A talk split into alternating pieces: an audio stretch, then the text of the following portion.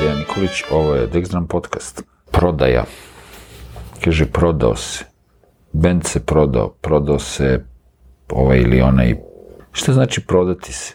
Mislim, u ovom kontekstu ne, mislim ono kao prodali su puno ploča i tako, pošto i to da se proda puno ploča, to je za nekoga prodaja, pošto ima raznih pogleda na svet, šta je to sell out ili kao šta znači prodati se, kao. A, u principu, neko ko je pravio previše kompromisa ili svoje neke vrednosti pogazio, integritet, talenat ili šta ja znam već, neki cilj koji ima u svojoj nekoj ovaj, organizaciji ili šta znam, pa kao ako se to desi, onda znači, eto, kao, on je sell out, kao prodao se za šaku ono dolara. Mislim, ne, što se bendova tiče, meni to nikad nije bilo jasno. Zašto su se sad neki kao prodali, a neki nisu i ne znam nije šta. To je uglavnom sa stanovišta publike.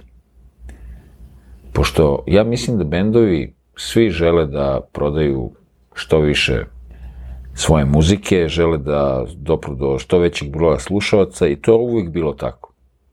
Šta god neko pričao, mi ne želimo ovo, mi ne želimo ono. Naravno, kad su neki novi pravci u pitanju, kad nešto nastaje, uvek je to underground i uvek naravno bendovi koji nisu mainstream idu protiv establishmenta i tako dalje. Međutim, vrlo brzo se to sve promeni, što i, i normalno. E sad ljudi naravno imaju neke kao bajkovite predstave o svemu tome, kao ja, on ne, oni nisu trebali da sviraju ovakvu muziku. Pričao sam o tome u epizodi Muzička policija. Mislim, ko to sad određuje šta neki umetnik treba da stvara, mislim. Pa ne znam, kao je, ovi su se komercijalizovali, prodali se i tako. Ja sad čuo razno razne stvari, kako se, ne znam, ono, Miles Davis prodao kad je počeo da svira nešto što nije sad ono, bebop ili ne znam, nego sad je on ušao neke rock vode, jazz rock, ne znam nija šta, ali mislim umetnici moraju da eksperimentišu.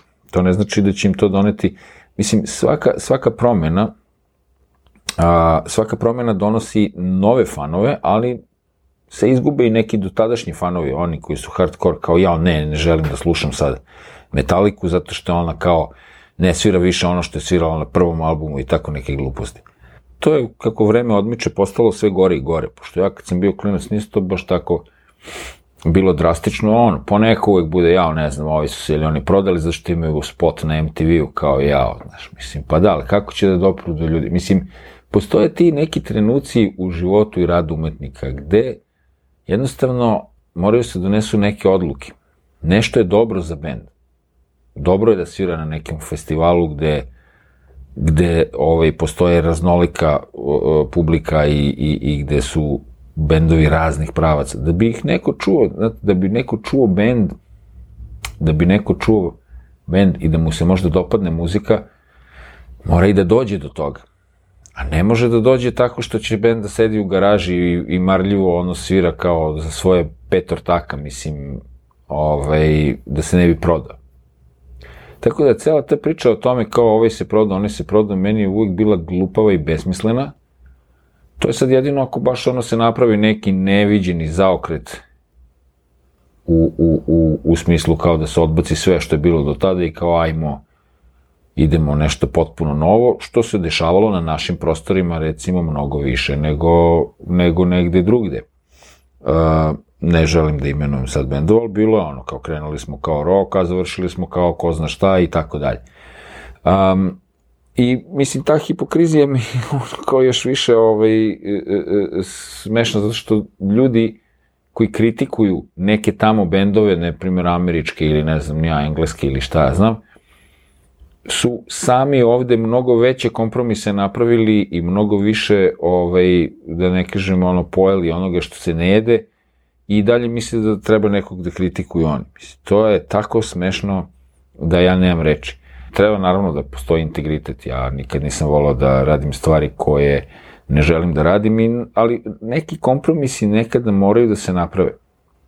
Na, mislim, pogotovo ako nam je posao da sviramo, a, koji su izbori, kao da li imam alternativu, šta, šta mogu, šta ne mogu, šta ne želim zaista da radim. E, mislim da ovde ljudi nemaju baš neke velike kriterijume i misle da je to sve, sve jedno šta će da rade i s kim će da rade. mislim, ne mogu govorim ni u čije ime, nek svako radi šta on misli da treba, ali ono, zašto kritikovati druge onda? Mislim, često se to dešava kao neka kritika, kao pogotovo tih nekih bendova preko okeana i tako. Da li se neko prodao ako ima spot na MTV-u, da li se neko prodao ako je napisao malo ovaj, prijemčiviju pesmu za narodne mase, kao, e, kao oni su se komercijalizovali. I taj termin komercijalizacije, to šta je uopšte komercijalno? Šta znači komercijalno ili nekomercijalno? Mislim, komercijalno je nešto što se prodaje. Nekomercijalno se ne prodaje, ali ako u Americi imate, ne znam, 350 miliona ljudi, tamo je komercijalna i Dolly Partona, komercijalni i Slipknot, mislim. Tako da, ovaj, i, te, i te priče kao komercijalno, kao ja, ovi su kao sad, moraju da budu komercijalni, kao eto, komercijala, kao nešto bez veze. To su neke priče koje se pričaju tako besmisleno, koje ne znače ništa.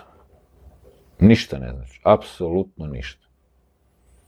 Sve može biti komercijalno, a može biti nekomercijalno. Mislim, ovde mi imamo predstavu o tome da su neke stvari komercijalne i da se prodaju, da ne znam nije šta, zato što se priča o tome kao da je to ne znam nija šta i kao tu se zarađuje ne znam koliko para, u suštini nije tako, mislim. To je sve malo više onako psena neka i neka ono prevarantska priča. Da, ima negde više love nego u nekim stvarima ima više love nego u nekim drugim, ali ovaj, sve to je onako zanemarljivo, mislim, na nekoj globalnoj skali. Um, ako Ben želi da bude popularan i ako želi da se dopadne ljudima, on mora da se nekako prikaže svetu. Pa ćemo da vidimo da li onda se ljudima dopada to ili se ne dopada, ali ako ne žele da se prodaju tako što neće otići na televiziju, jer ja znam, sećam se ja pre nekih 20-30 godina, ovde bilo bendova koji nisu hteli da idu na TV. Naravno, posle su se trpali svuda i tako dalje i tako dalje, a onda kad su se raspali, članovi su neki svirali koje kakve druge stvari koje ono nikad ne bi čovjek ni pretpostavio da mogu da sviraju i da uđu u takve kombinacije. Tako, ali nisu tele da se prodaju kao imaju oni integritet, neće na TV, neće ovde, neće onda, mislim, neke nebuloze. I sad ja nemam ništa protiv da neko ima stavove, da ima, da ima odrednice šta treba i kako treba, neće se proda, neće ovo, neće ono, okej. Ali onda očekujem i da se ponaša u skladu sa time što govori. A ne ono kao nekoliko godina kasnije potpuno druga priča i ko nema veze šta smo pričali, pa nije to tako bilo. Kao. To se kod nas tako dešava, možda se dešava i u svetu, ali mislim da je manje toga, mislim da ljudi imaju veći integritet nekim drugim prostorima od nas. Nažalost, tako je. Ali to nije samo u muzici, to je inače tako.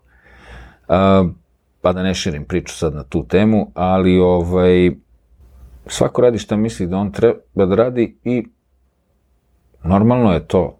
Mnogi su i krenuli u, u, u muziku da bi nešto uradili sa svojom muzikom.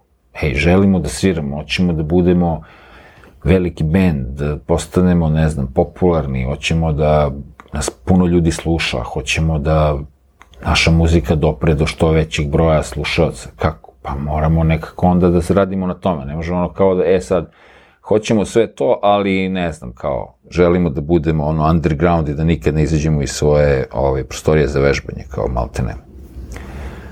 I naravno, ono, to se odnosi i na pisanje pesama. Pa šta sad ako neko kao počeo da piše nešto drugačije nego što je pisao do tada? Možda mu se taka muzika... Mislim, imaju ljudi pravo to sve da rade, vi imate pravo da ne slušate šta je neko iskomponovao, možete kažete, e, ovo mi se više ne sviđa i kao to je to, šta sad?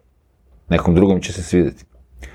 Tako da ne znam, eto to malo razmišljenje na tu temu kao prodaja i ti fazoni, mislim, potpuno onako ko čemu uopšte cela ta priča. Mislim, treba biti dosledan i treba on, dosledan samom sebi, jel? Ali nekad situacije iziskuju i neke druge poteze, a vi ne možete se stavite u, ne možemo mi se stavimo u situaciju neku, nekih drugih ljudi ako nije čisto ono kao da neko ide protiv svojih ubeđenja i, i protiv svega što je govorio samo zbog kao ne znam love neke, nekog kofera para, onda mislim sve može da bude validno. Nekad jednostavno muzičari moraju da, da rade, moraju da prežive. Pogotovo ako, ako, sad nismo, ako govorimo o, o muzičarima koji su ono freelance. Nekad moraju da sviraju u bendovima koji možda i nisu baš 100% po njihovom ukusu, ali ako, su, ako je to posao koji su dobili, to je posao kao i svaki drugi, mislim, ne mora ti se sviđa firma, ne znam kako, ali mislim, možda ako nije neka ono kriminalna organizacija, možda je ipak ok negde raditi neko vreme i tako dalje. Mislim, sad možda želite da imate svoju firmu, ali teško je biti svoj na svome, teško je to sve postići, pa kao je ono, ajde kao da sviram kod nekog drugog. A, I naravno, mislim, teško je stvarati svoju umetnost, znači svoju neku priču, i to je naravno teško bez finansijske ovaj, neke stabilnosti. A odakle lova,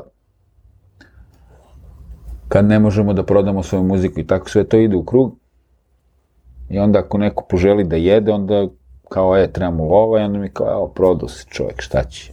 Uzeo da, mora da jede nešto, prodao se. Napisao je hit, strašno, kao ne smije se napiše hit i tako. Tako je malo to, je preduvano, cela ta je napumpana malo više stvar sa, sa tom prodajom i sa tim fuzonima, besmisleno. Toliko za ovu epizodu. Ćao svima.